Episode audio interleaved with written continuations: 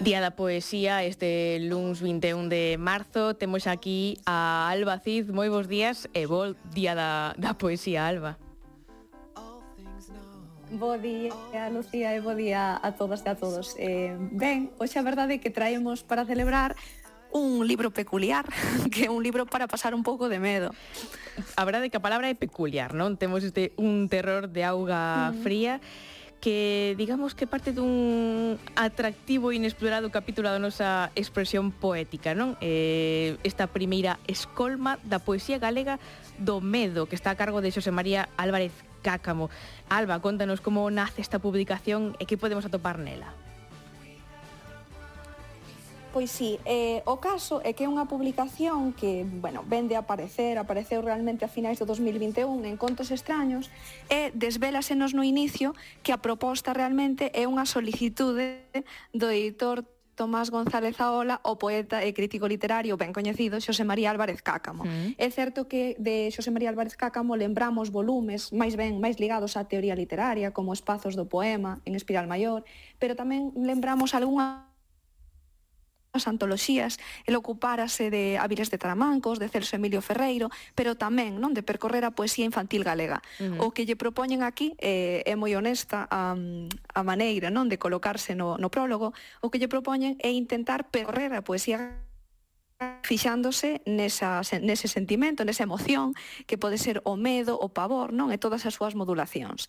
Eh, hai que dicir que tal e como contábamos na, na historia recente da literatura galega, con antoloxías de narrativa breve de medo, como Arrepíos e outros medos, por exemplo, e non é a única, mesmo temos próximas unhas xornadas sobre os mecanismos do medo na literatura de tradición oral, É certo que, de algún xeito, non parece que ligamos o terror gótico e o romanticismo escuro en primeiro lugar á novela ou en primeiro lugar á narrativa.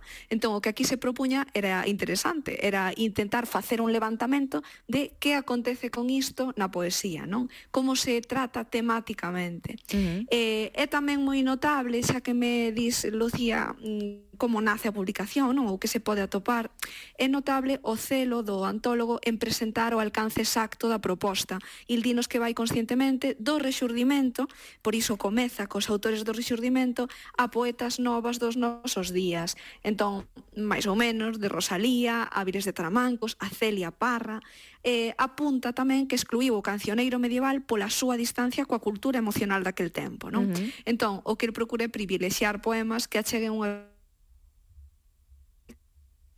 de todo isto, non deste terror de auga fría, que como se titula. E temos ademais unha selección eh, ampla, non que supera os 40 poetas. Que modulacións temáticas encontraremos entón aquí?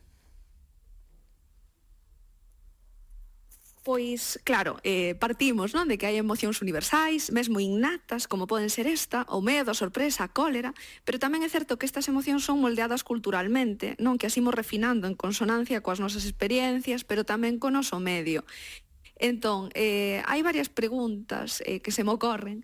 A primeira delas, seguramente, se este medo pode ser na poesía unha das canles para acrecentar a emoción, nalgún dos casos eh, nos poemas isto parece bastante evidente. Por outra banda, cales serían as bases psicolóxicas, non? Cales son os resortes do horror na nosa cultura?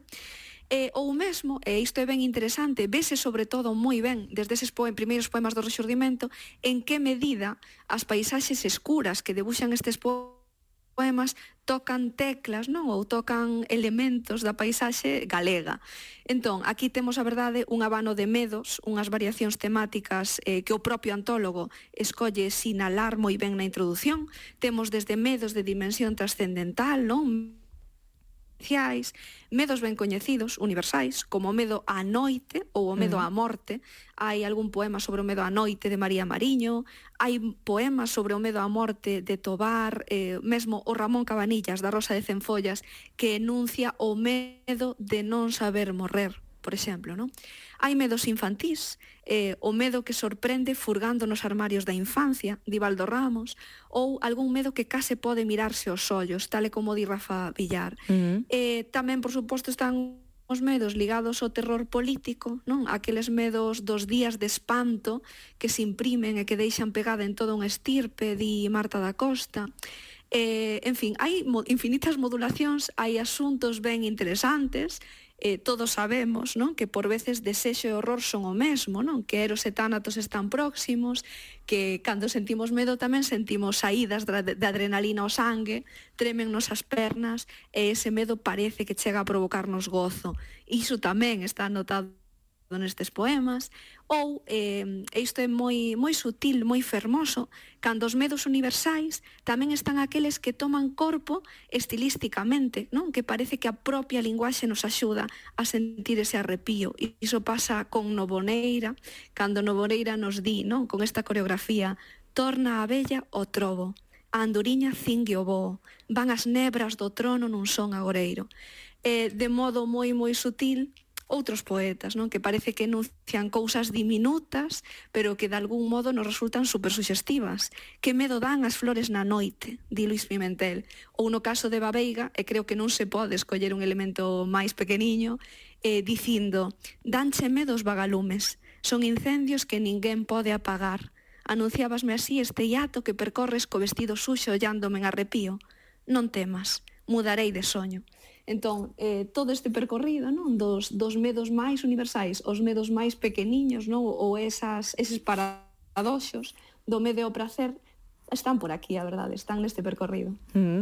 eh, Alba, xa para rematar así brevemente, porque quedamos en, sen tempo, pero se nos achegamos ás, ás voces máis recentes, hai algo que, que chama a nosa atención? Hmm. Pois, imaginade, tal e como temos por aquí, non? Eh, medos super coñecidos, eh, medos moi simbólicos, imaxes super coñecidas, o mocho e cantares gallegos, as longas noites de Celso Emilio, non? Eses cans danados de Celso Emilio. Eh, tamén é certo que cando nos achegamos ás poetas máis recentes, eh, de repente podemos atopar algunha referencia á cultura de masas, pero poucas, non? Uh -huh. O libro case remata con Drácula nos poemas de Olalla Cociña, pero é certo que non atopamos aínda tantas referencias, pois iso, das, das figuras do cinema, non? Das figuras que podemos entender como contemporáneas, non atopamos tantas como tantas compañas, tantas luciñas, tantos lobos, eh, como os que nos parecen ao inicio deste percorrido. Mm. Entón, haberá bastante por camiñar, supoño, e haberá bastante por repasar nestas modulacións do medo a galega. Pois moito que, que descubrir e de que redescubrir neste, neste curioso libro, Un terror de auga fría que é unha escolma da poesía galega do medo. Alba, moitísimas grazas, como sempre. A vos, lede moita poesía.